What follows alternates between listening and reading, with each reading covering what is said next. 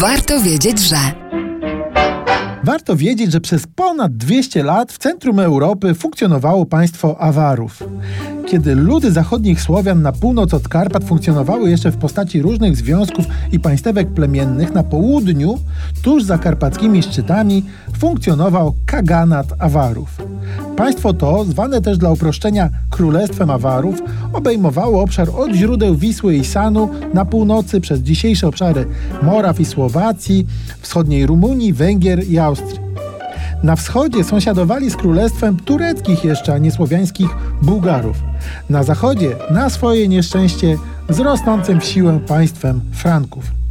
Koczowniczy lud Awarów na wschodzie kontynentu pojawił się w wieku VI. Organizowali wyprawy łupieskie przeciw Bizancjum. Od razu zasłynęli jako lud, w którym mężczyźni mieli włosy zaplecione w warkoczyki, co było niespotykane w Europie. Napierani ze środka Azji przez Turków seldżuckich, sami w Europie podbili pozostałości państwa Hunów i plemiona słowiańskie.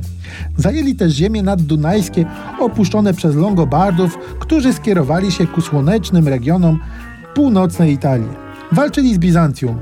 W VII wieku nawet oblegali bezskutecznie Konstantynopol w wyglądającej dziś aż nadto egzotycznie koalicji awarsko-słowiańsko-perskiej.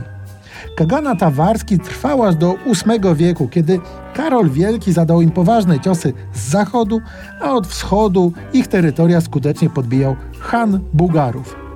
Ich państwo istniało w sumie ponad dwieście kilkadziesiąt lat. Mało? Wszak to trochę więcej niż cały okres istnienia dotychczasowego niepodległych Stanów Zjednoczonych.